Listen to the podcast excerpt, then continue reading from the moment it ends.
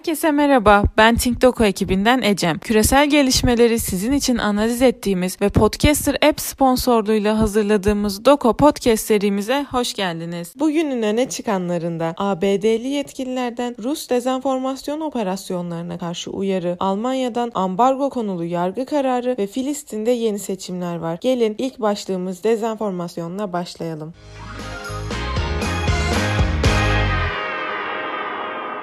ABD'li yetkililer Rus dezenformasyon operasyonlarının aşı çalışmalarını hedef aldığını söyledi. ABD'li yetkililerin aktardığına göre Rus İstihbarat Teşkilatı Pfizer'a ve diğer batı menşeli aşıları olan güveni zayıflatmak için son aylarda aşıların gelişimini ve güvenliğini sorgulayan çevrim içi yayınları kullanıyor. Bu önemli çünkü devletlerin birbirlerine yönelik bu tip suçlamaları bilhassa büyük güç rekabeti çerçevesinde alışılmış olsa da bu sefer suçlamanın ABD Dışişleri Bakanı Bakanlığı'na bağlı Küresel Katılım Merkezi'nden gelmiş olması işin ciddiyetini ortaya koyuyor. Zira Küresel Katılım Merkezi ABD Dışişleri Bakanlığı için küresel seviyede dezenformasyon kampanyalarını takip eden bir kuruluş. Merkezin açıklamalarına göre kampanyalar farklı bağlamlarda etkilerini gösteriyor olsa da kaynakları itibariyle hepsi Rus istihbaratı ile bağlantılı. Bu tip girişimler uluslararası toplumda zaten yaygın olan aşıların etkinliğini ve yan etkileri hakkında derin endişeleri endişeleri ve şüpheleri körüklemektedir. Peki bu anlamda beklentiler neler? Öncelikle ABD merkezli karşı kampanyanın başlaması, büyük güç rekabetinin enformatik düzlemde de gözlenebilir hale gelmesi, hakikat sonrasının tesiri sebebiyle pandemiyle mücadelenin daha da zorlaşması ve son olarak yükselen politik risk.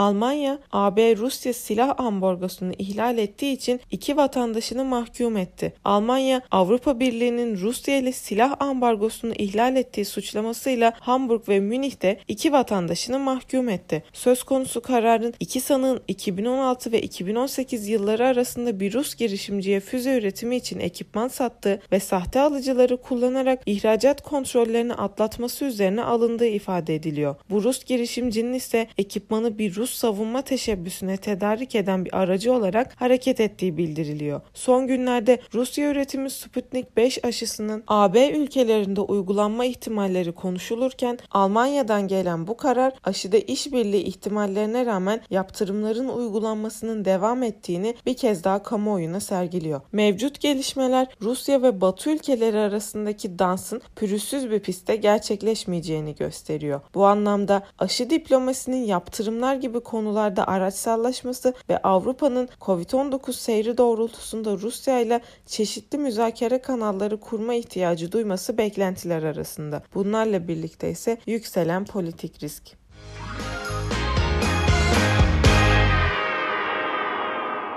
Covid-19'da Çin'in ihracatı arttı. 2020 yılında dünyanın her tarafından yaygın karşılık bulan karantina uygulamaları nedeniyle artan talep Çin'in ihracatının artmasına sebep oldu. Çin'in artan yurt dışı enerji yatırımları bir yandan Çin'in enerji piyasasında monopson olmasına sebep olup nüfuzunu arttırırken bir yandan da güçlü üretim sektörünü destekliyor. Büyük güç rekabeti özelinde bilhassa yüksek sanayi üretim gücü ve ekonomik boyutuna dayanan Çin'in pandemiden ülkeden de en çok fayda sağlayan ülkeler arasına girmesi şaşırtıcı değil. Bununla birlikte Çin'in mesul olduğu bir pandemi yüzünden hiçbir şekilde sorumlu tutulmaması ve uluslararası örgütlerdeki nüfuzunu korumaya devam ederken bir de bu ortamdan ekonomik çıkar sağlamayı başarması ilgi çekici. Bunlarla birlikte Çin'e yönelik geniş çaplı yatırımların gittikçe imkansız hale gelmesi ve jeopolitik düzlemde artan Çin nüfuzuyla Çin'in yurt dışı enerji yatırımlarını arttırması beklentiler arasında ve yükselen politik risk.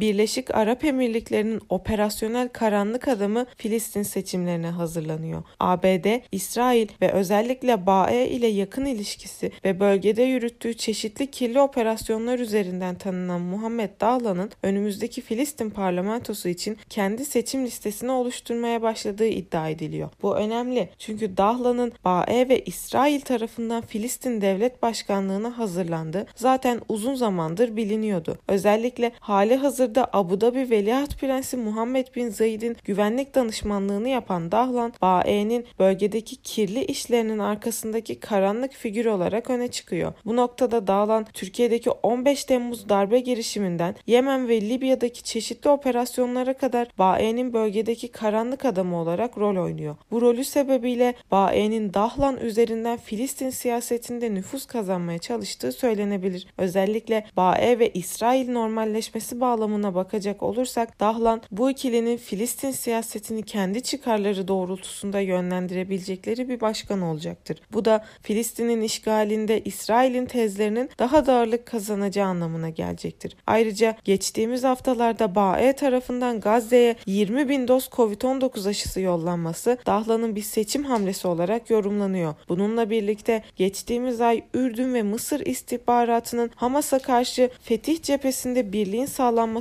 noktasında Filistin Devlet Başkanı Mahmut Abbas'a Dahlan ile uzlaşması noktasında baskılar yapıldığı gündeme yansıyor. Bunlarla birlikte 22 Mayıs 2021 milletvekili ve 31 Temmuz 2021'de devlet başkanını seçecek Filistin'de Muhammed Dahlan'ın BAE ve İsrail'in de desteğiyle siyasi nüfuzunu arttırarak Filistin için yükselecek bir politik risk beklentiler arasında.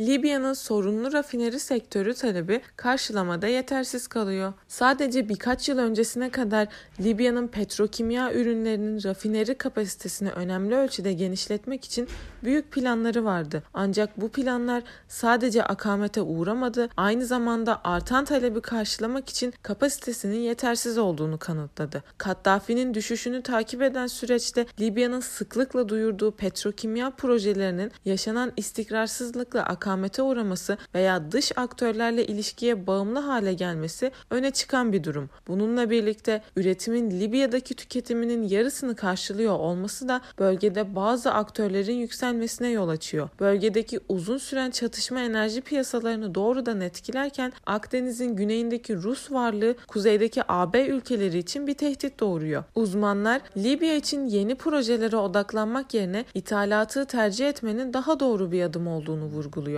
Peki beklentiler neler? Öncelikle Libya'da Rusya varlığının güçlenmesi, Akdeniz'de çıkar çatışmasının devam etmesi, bu durumun istikrar adımlarını geciktirmesi ve son olarak hem Libya hem de bölgesel açıdan yükselen politik risk.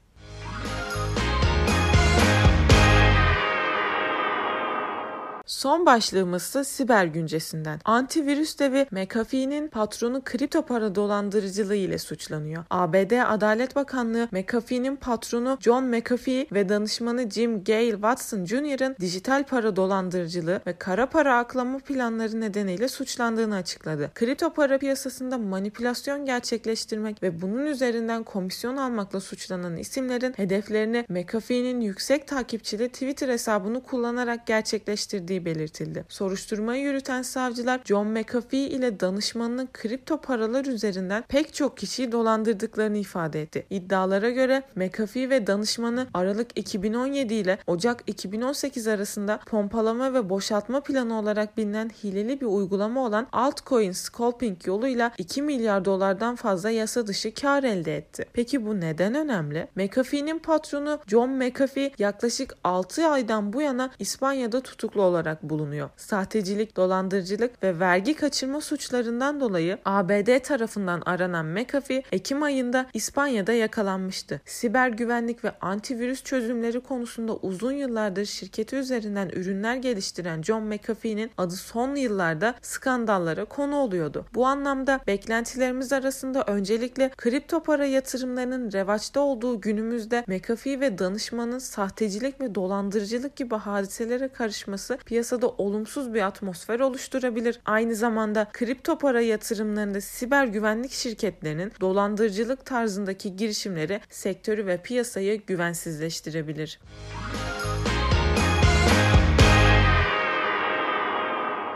Bugünlük bültenimizin sonuna geldik. Beni dinlediğiniz için teşekkür ederim. Umarım siz de dinlerken benim kadar keyif almışsınızdır. Dünyayı anlamlandırmak için bültenlerimizi takip etmeyi unutmayın. Bir sonraki podcast'imizde görüşmek dileğiyle. Hoşçakalın.